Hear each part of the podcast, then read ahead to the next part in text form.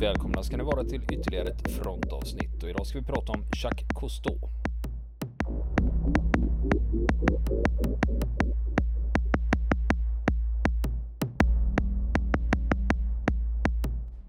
Ja du Niklas, eh, Jacques Cousteau har du sagt till mig att vi ska prata om idag. Ja. Och det säger, när det gäller, jag vet ju vem Jacques Cousteau är och jag vet vad liksom inom dykeriet och undervattensfilmer Mm. Ja, och sånt. Det är jag ju med på.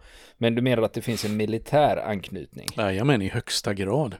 Men eh, nu, är, nu är det ju så här att han kanske inte är ett household name, eller om man säger så, att alla har koll på honom idag.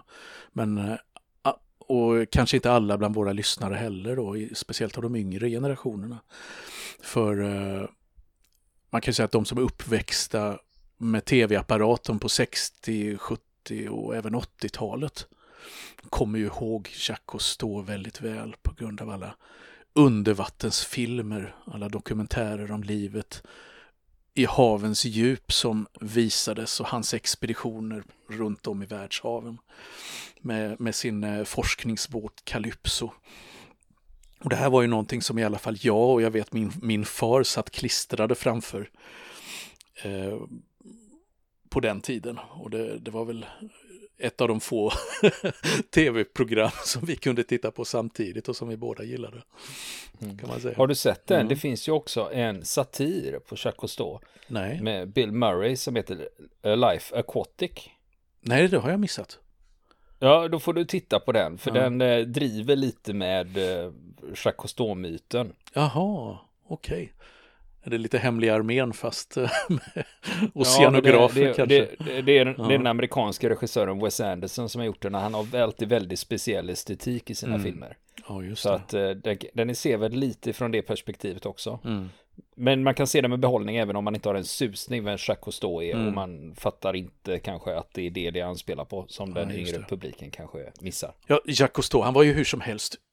Han var hur stor som helst under flera årtionden efter, efter andra världskrigets slut. Och han, bland annat då genom detta att han öppnade för en bred allmänhet eh, en helt ny värld då eh, i och med att man fick se det marina livet liksom i sitt rätta element via hans filmer. Och eh, han utvecklade också inte bara undervattensfilm, och undervattensfoto, utan han utvecklade också en, en typ av dykarutrustning kallad akvalungan som eh, blev enormt populär bland eh, sportdykare och gjorde att bidrog starkt till att utveckla dykning då till en, eh, till en ja, folksport kan man säga. Och en, en överkomlig hobby för, för många. Ehm, och som sagt, han var ju också då eh, väldigt aktiv under andra världskriget. Han var faktiskt fransk sjöofficer. Och eh, det är den eh, kapitlet i hans liv som vi fokuserar på i den här delen, i den här, i den här podden så att säga. Och eh, han diskuterade själv ogärna sina aktiviteter under kriget men det går ändå att pussla ihop ganska mycket. Både utifrån eh, flera biografier om honom som har skrivits efter kriget. Eh, de flesta av honom är ju rena hyllningstexter men det finns också eh, en eller två som är superkritiska mot honom då hans, hans aktiviteter. Och även av andra böcker och texter då som har getts ut. Och ska man säga någonting om hans bakgrund så är det ju det att han, han föddes för, eh, ja, han hade varit 110 år i år. Han var född 1911. Han var son till en advokat och han växte upp då i ett litet samhälle som ligger i sydvästra Frankrike. Eh, I eh, ett eh, departement som heter Gironde. Och det här är en liten by som heter Saint-André de Cubsac som inte, egentligen inte är känd för mycket mer än att eh, Cousteau är ja, samhällets store son då. Och eh, under uppväxten så eh, drömde han om tre saker han ville bli. Han, skulle, vilja, han ville bli sjöofficer så att han kunde få resa runt och se världen. Och han kunde tänka sig att bli radiolog också. Och filmregissör. Alltså röntgenläkare Exakt, alltså. exakt. Och filmregissör. Så det är väldigt spridning där på, eh, på framtidsdrömmarna. Är det. Men man kan ju faktiskt säga det att två av dem slog in. Nämligen sjöofficer och filmregissör. Och eh, det började då med den marina banan för 1930 så kom han in som kadett vid den franska marinakademin, École Naval, som vid den här tiden då, eh, före andra världskriget, låg i Brest, som ju är en stor hamnstad, eh, stor fransk hamnstad, men eh, den skolan eh, den skolbyggnaden finns inte kvar längre för den bombades sönder och samman av amerikanerna under andra världskriget när man belägrade Brest. Eh, så att nu ligger den skolan på ett annat ställe i, eh, i västra Frankrike. Och där på den skolan så han genomgick en flerårig utbildning och han blev en artilleriofficer. Det var hans inriktning. Och eh, under 30-talet så mognade även en annan dröm fram att han ville bli pilot. Och såg en alternativ karriär då inom marinflyget. För Frankrike var ju, hade ju en stor flotta på den här tiden och hade även eh, ja, lite aspirationer på att bygga hangarfartyg och så vidare. Eh, men där i mitten av 30-talet så blev han inblandad i en ganska allvarlig trafikolycka och bröt bägge armarna ganska svårt vilket satte stopp då för den karriären.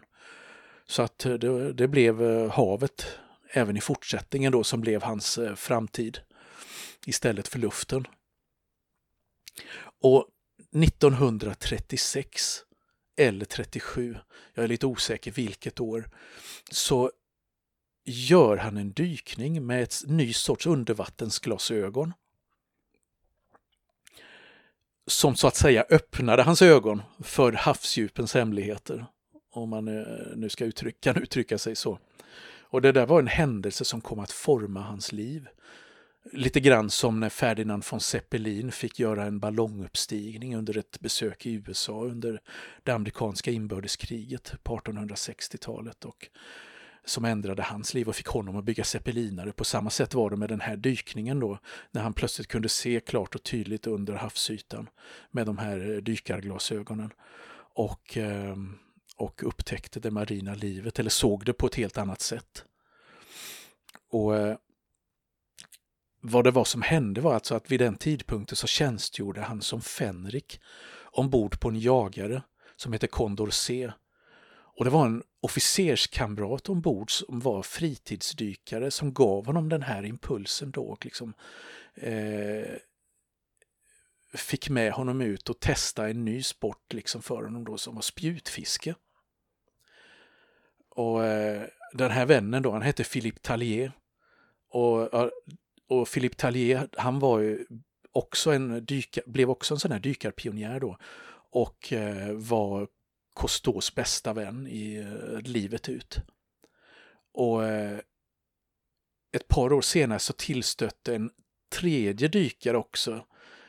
Eh, så att de blev en trio där då, han hette Frédéric Dumas. Och de blev liksom oskiljaktiga och de hade samma intresse och var ute nästan varje dag efter tjänstgöringens slut och, och gjorde dykningar.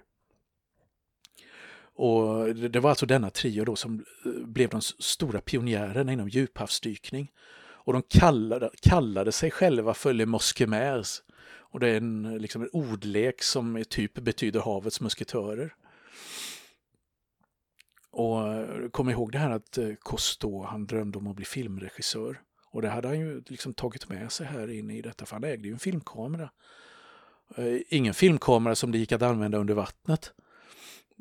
Utan, men han drömde ju om att kunna börja göra undervattensfilmer under den här eh, förkrigsåren då. Och eh, funderade på hur sjutton det skulle gå till. Hur ska man ha, ska bygga en vattentät kamera? Hur ska man kunna vara nere tillräckligt länge i havet för att kunna filma ordentligt? Hur ska du kunna andas ordentligt?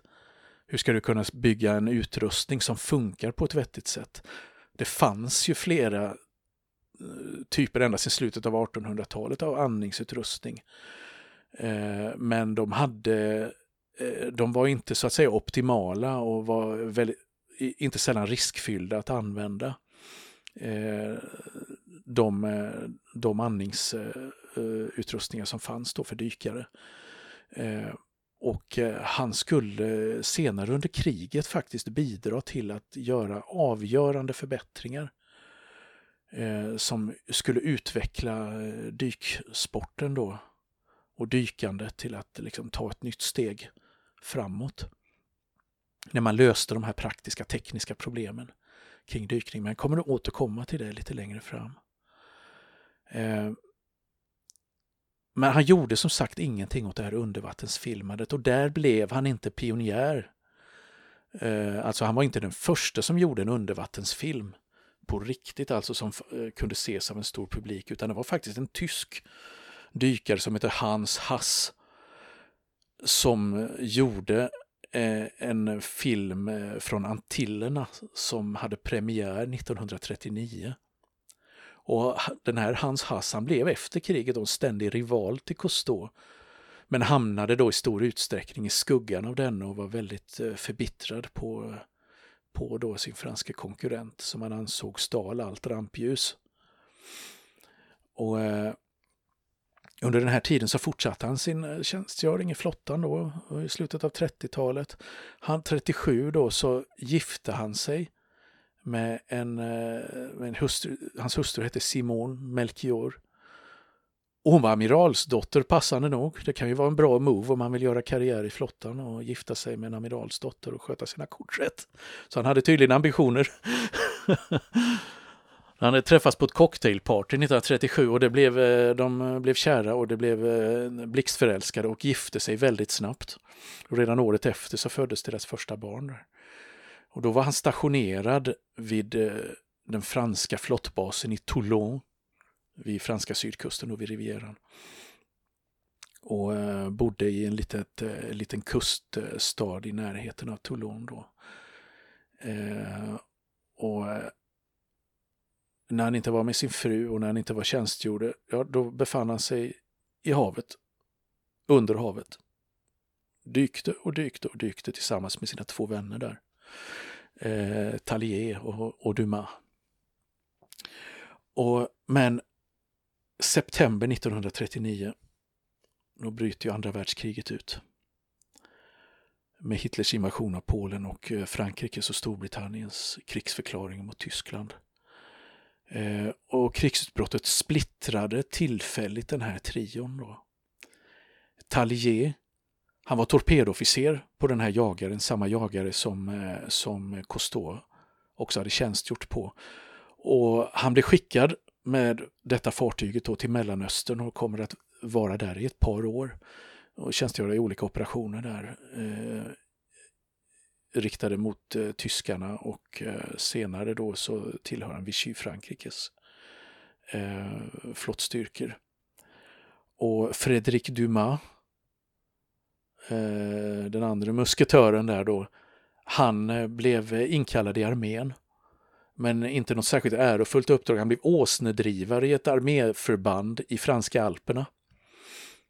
Och eh, de fick ju alltså sluta med sina sitt stora frit, fritidsintresse, dykningen. Då. Och Cousteau, då, vad hände med honom? Jo, han fick lämna den här jagaren och bli kommenderad eh, som löjtnant till Eh, ett mycket större fartyg, en lätt kryssare som heter Duplé, där han blev ammunitionsofficer.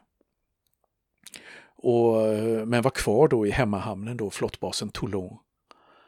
Eh, och den här kryssaren då, Duplé, det var, det var ett väldigt modernt örlogsfartyg för sin tid. Den hade tagits i tjänst sex år före krigsutbrottet.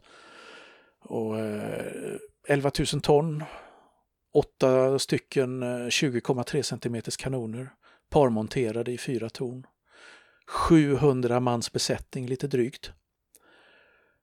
Och det var detta var faktiskt ett örlogsfartyg som blev sänkt inte en gång, utan två gånger under andra världskriget. Men eh, den historien är ett stickspår, så att jag återkommer till den detaljen lite senare i ett annat sammanhang.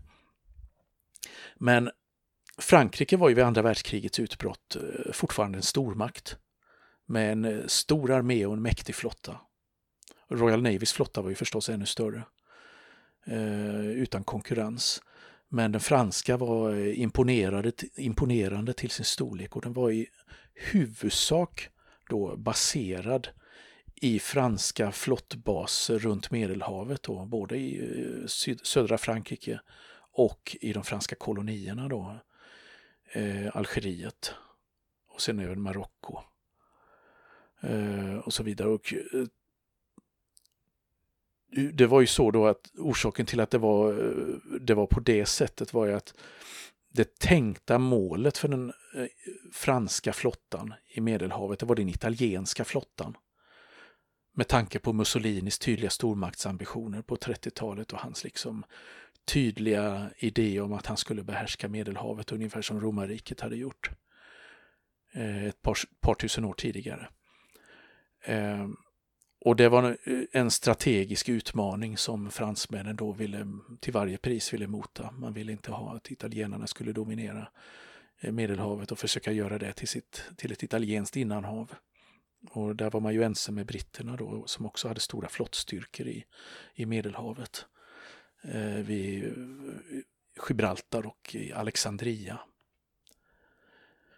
Eh, som främsta flottbaser då. Och eh, hans mest aktiva tid som sjöofficer till havs, eh, Kostos då, det var det första krigsåret mellan september 39 då och juni 1940. Och största delen av den tiden, det är ju det som brukar kallas för the phony war på engelska då. Alltså låtsaskriget eller det lustiga kriget då när de stora arméerna på västfronten då satt och blängde på varandra från varsin sida den franska gränsen utan att göra någonting då man satt still där. Tyskarna kallar det för sittskrig, alltså kriget där man liksom satt på ändan och inte gjorde någonting. Eh, medan liksom uppladdningen pågick eh, för vad som sen skulle komma då. Men det betydde inte att den franska flottan och att Cousteau satt sysslolösa under den här tiden. För där pågick en hel del operationer till havs eh, Eh, under det här första krigsåret då, där den franska flottan var i högsta grad delaktig då. Men eh, det är sånt som har liksom hamnat i skuggan av senare händelser då, och mycket större och mer ödesdigra händelser som gör att vi oftast inte har kanske så stor koll på det idag. Och då var det så att första gången, den första aktiva operationen som Cousteau deltog i då med den här kryssaren som han tjänstgjorde ombord, den ägde rum i oktober 39. Eh, då, för då skickades eh, Duplé och en annan kryssare till Dakar då vid Afrikas kust som en del av en fransk flottstyrka som skulle jaga tyska blockadbrytare och kapare och handelsfartyg. Och eh, redan den 25 oktober 1939 så var Duplé ett av de tre franska örlogsfartyg som gensköt och erövrade ett tyskt handelsfartyg som heter Santa Fe. Och det gjorde man ju förstås utan ett skott. De, hade ju, de var ju chanslösa och kapitulerade när de blev bordade av, av eh, de här, den här övermäktiga franska styrkan. Då. Och efter den här lilla, kan man säga, segern då så återvände Eh, den här flottstyrkan till Frankrike och till hemmahamn. Men eh, redan några veckor senare, 7 december 39, så löpte Duplé ut på nytt tillsammans med eh, en annan fransk kryssare som heter Foch och en brittisk kryssare som heter Neptune. Och det brittiska hangarfartyget Hermes och ett par torpedbåtar. Att... Vänta lite nu, vänta lite nu här. Mm. Eh, när du säger Hermes, det är mm. inte det där, det, britterna hade ju ett Hermes med sig nere på Falklandsöarna, det är inte samma eller? Nej, men britterna har haft en tendens att uh, döpa ett antal av sina uh, sina örlogsfartyg till samma sak, så Ark Royal har ju funnits i till exempel i flera upplagor. Uh, deras, varav det mest kända är hangarfartyget Ark Royal under andra världskriget då. Ehm, så att eh, man har låtit namnen leva vidare, inte sällan då i, i, i nya varianter och nya skepnader då. På en, eh, åtminstone en del av sina örlogsfartyg. Så att nej, det är inte samma Hermes. Är det, inte. Det, det kanske var en jävligt korkad fråga förresten. ja, det var det. Men det finns inga, det finns inga frågor. Det, det är som man brukar säga i, eh, i ja, både du och jag som har bakgrund som journalister, att det finns ju inga frågor som är för korkade egentligen. Det finns bara, kork ja, det men... finns bara korkade svar. Ja, men ja. nu när jag mm. tänker efter så att, ja, att man använder mm. ett andra världskrigsfartyg eh, 1982 kanske är lite, ja. Ja, men det gjorde ju argentinarna. Ja, så det var inte helt ute nej. och uh, vifta då. Nej, i alla fall. precis. Mm. Deras, deras Belgrano var ju en uh, amerikansk kryssare från, som varit med i Stilla havet som vi har berättat om tidigare i, eh, i fronten för en massa avsnitt sedan. Så att eh, det, det fanns, gjorde det. Fartyg som levde länge. Eh, men den här, den här styrkan då, den, som jag nämnde, fransk-brittisk styrka, den löpte ut för att patrullera i Sydatlanten. Och det här var vi ju vid en tidpunkt då ett eh, visst eh, tyskt fixslagskepp härjade där som hette Graf Spee. Och eh, när den här flottstyrkan som Cousteau tillhörde då befann sig en liten bit utanför den eh, brasilianska kusten så fick de rapporter om sjöslaget vid Rio de la Plata mellan Graf Spee och ett antal brittiska örlogsfartyg. Och då återvände styrkan som Cousteau tillhörde till Dakar för att bunkra bränsle. För att sedan kunna positionera sig bättre ute till havs om Graf Spee kom undan sina förföljare och försökte ta sig tillbaka till Tyskland. Då skulle man så att säga genskjuta det på vägen där. Eh, så det var tanken och man gick till sjöss igen då under några dagar kring nyår 39-40 då. Men återvände sen till Dakar igen. Man hade inte sett skymten av, eh, av Grafspe för att eh, det, det hade ju blivit skadat i striden och eh, sen hade besättningen sänkt fartyget själva. Eh, och eh, i slutet av januari 40 sen så lämnar Duplé Dakar för sista gången för att eskortera en konvoj från Bermuda till eh, Marocko. Och sedan återvänder man till Toulon, hemmahamnen igen då.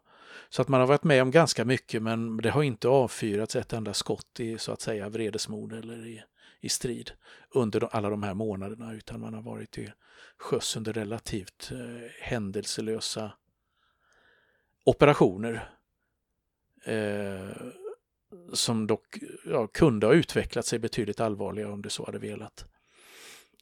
Eh, och när man är tillbaka till hemmahamnen så befinner sig Cousteau så gott som varje dag i flottbasen eller till havs på övningar då medan familjen då, hustrun Simone och eh, deras två söner, små söner då, eh, är kvar i villan i eh, Sanary-sur-Mer som är en grannstad till Toulon. Och där, där Cousteau hade gett dem, Eh, hustrun då, noggranna förhållningsorder om att hamstra så mycket mat hon kunde för att kriget kunde bli långt och besvärligt. Och det skulle eh, förmodligen bli eh, lika svårt att få tag på mat som under första världskriget för den franska civilbefolkningen. Och sen, sen händer ju inte så mycket mer alltså i form av aktiva stridsoperationer då förrän i maj 1940 när kriget bryter ut på allvar på västfronten med den tyska invasionen av, av Frankrike och Belgien och Holland. Eh, och det vet vi ju hur det gick liksom med Dunkerque och eh, hur eh, de brittiska expeditionsstyrkan och den stora franska armén eh, blev eh, fullständigt bortkollrade och besegrade av tyskarna i, i Belgien och norra Frankrike. Och eh, hur eh, Italien då, som dittills hade varit neutralt i kriget, då, varit en tysk allierad men ändå inte, in, ändå inte gett sig in i kriget då, eh, vädrade eh, liksom segervittring då och eh, tänkte kast, kasta sig in i kriget alldeles på sluttampen där för att kapa åt sig några Eh, fina ja, bitar av, eh, av kakan då. Eh, förklara krig i juni 1940. Och eh, när Frankrike egentligen redan är slaget militärt. Men, och går till anfall då mot franska positioner i Alperna. Men eh, den fransk, italienska armén var ju inte så där speciellt kapabel under, under kriget och lyckades inte åstadkomma så där mycket. Eh, kan man säga, men bara några dagar efter den italienska krigsförklaringen så gled Duplé ut ur Toulons hamn den 13 juni 1940 och skulle delta i en repressalieaktion mot Italien för några flygräder.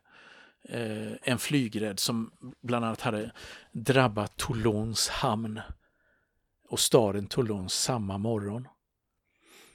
Och eh, löjtnant Cousteau befinner sig vid en av stridsstationerna ombord på den här kryssaren Duplé. Och för att inte vara sittande anker om det italienska flyget skulle återvända så lättade man ankar då. Och det svirrade fullt av kodade meddelanden hit och dit i etern. Och målet, det var ett motanfall. En repressalieangrepp mot staden Genua som var en av Italiens största hamnar. Eh, ett par hundra kilometer öster om Cannes. Så det var inte så lång väg för den, eh, för den franska flottstyrkan att eh, tillryggalägga. Och man eh, löpte ut då på kvällen. Eh, och eh, för att eh, ta sig dit i skydd av mörkret för att genomföra ett övnings, överraskningsanfall nästa morgon. Och eh, vädret var eh, på fransmännens sida för månen gick i moln och det var beckmörkt till havs. Och det här var en eh, ganska stor flottstyrka då som, eh, som Kostos kryssare tillhörde. Och den delades upp i två grupper där den ena gruppen skulle bombardera eh, oljedepåerna vid Vado utanför Genua och den andra gruppen skulle beskjuta eh, några industriområden vid några andra förstäder i västra utkanten av staden då. Eh, bland annat en, en, fabrik som heter Ansaldo och eh, en annan som hette eh, en annan kemisk fabrik också eh, vars namn jag precis har glömt bort. Jo, Stoponi heter den. Stopponi-fabriken, vilken var en ganska stor kem kemfabrik.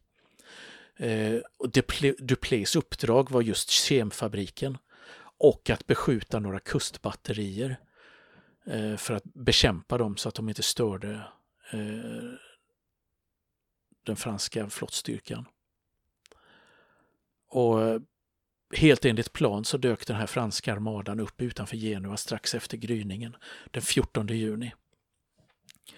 Och eh, man är 15 kilometer från målet när man vänder upp eh, bredsida mot, eh, mot Genua och de tänkta, tänkta målen och klockan 4.28 på morgonen så avfyrades första salvan som träffade eh, en av förorterna till Genua då, som heter Sestri Penente. Och det här första salvan och det väckte de italienska kustbatterierna som öppnade eld mot de franska fartygen. Eh, och det här bombardemanget då med eh, franskt skeppsartilleri och även franskt flyg, det pågick i två timmar. Och eh, Duplé eh, missade ett av kustbatterierna där genom att man hade förväxlat koordinaterna för, för ett mål. Men man fick däremot in flera direktträffar på den här kemfabriken Stoponi. Och eh, en liten jagare som fanns i eh, närheten av, eh, av kryssaren fick in flera fullträffar på den här andra fabriken, Ansaldo, förstörde kontorsbyggnader och en ångpannecentral och järnvägsvagnar och så vidare. Och Förutom då en massa förstörda eh, industrianläggningar och eh, annan bebyggelse i Genua med omnejd så eh, dödades fyra och skadades 32 italienare i det här bombardemanget. Och eh, ett av de här italienska kustbatterierna fick in en träff på en eh, lätt fransk kryssare då som heter Albatross som fick vissa skador men mirakulöst blev ingen vare sig dödad eller sårad ombord i besättningen. Och eh, en liten stund efter klockan sex på morgonen så började den franska flottan dra sig tillbaka efter fullgjort uppdrag då och eh, eh sicksackar hela vägen tillbaka till Toulon för att förvirra eventuella ubåtar och eh, eh ja, ställa till problem för eh, eventuellt eh, italienskt flyg som eh, kunde sändas ut efter, efter flottstyrka. Men man blir inte på något sätt ofredad av fienden på vägen tillbaka utan kommer helskinnad tillbaka till Toulon. Och den 13 juni det är 1940 när det här sker, det är en ganska ödesdiger dag under andra världskriget. för Frankrikes del. För samma dag marscherar tyska trupper in i Paris och paraderar på Champs-Élysées. Och den franska regeringen under Paul Renault flyr till Bordeaux. Och eh, på vägen tillbaka till Toulon redan då så mottar den franska flottstyrkan ett meddelande från, eh, från den franska marinchefen amiral Darlon att eh, fortsätt kampen tills en äkta fransk regering oberoende av fienden ger order om motsatsen. Det är lite som det svenska meddelandet, liksom att allt motstånd, allt, allt, eh, alla meddelanden om att motståndet ska höra är falska. Och eh, meddelandet innehåller också budskapet att åtlyd inte någon annan regering och överlämna aldrig ert fartyg. Och eh, några dagar senare, när flottan redan är tillbaka då i Toulon, så telegraferar Darlon återigen till alla skepp då en varning om att britterna, brittiska flottan försökte lägga vantarna på alla franska örlogsskepp och kolonier. Eh, och det här var ju en ganska upphetsad tid där, där mycket liksom stod på spel och det var mycket osäkerhet om vilken eh, väg kriget skulle ta. Eh, men det var helt klart med Churchill då som hade blivit eh, brittisk premiärminister att han absolut inte under några villkor tänkte låta den franska flottan falla i, i eh, tyska händer. Och att låta den vara kvar i franska händer var enligt eh, hans sätt att se det samma sak som att den skulle, skulle löpte risken att eh, förstärka den tyska flottan. Och nästa vecka så fortsätter vi prata om Jacques Cousteau. Vill ni komma i kontakt med oss så kan ni göra det via vår Facebook-sida som heter Fronten. Det är inga problem för er att leta er fram där. Eller också så mejlar ni på vår mejladress och det är frontenpodcast.gmail.com.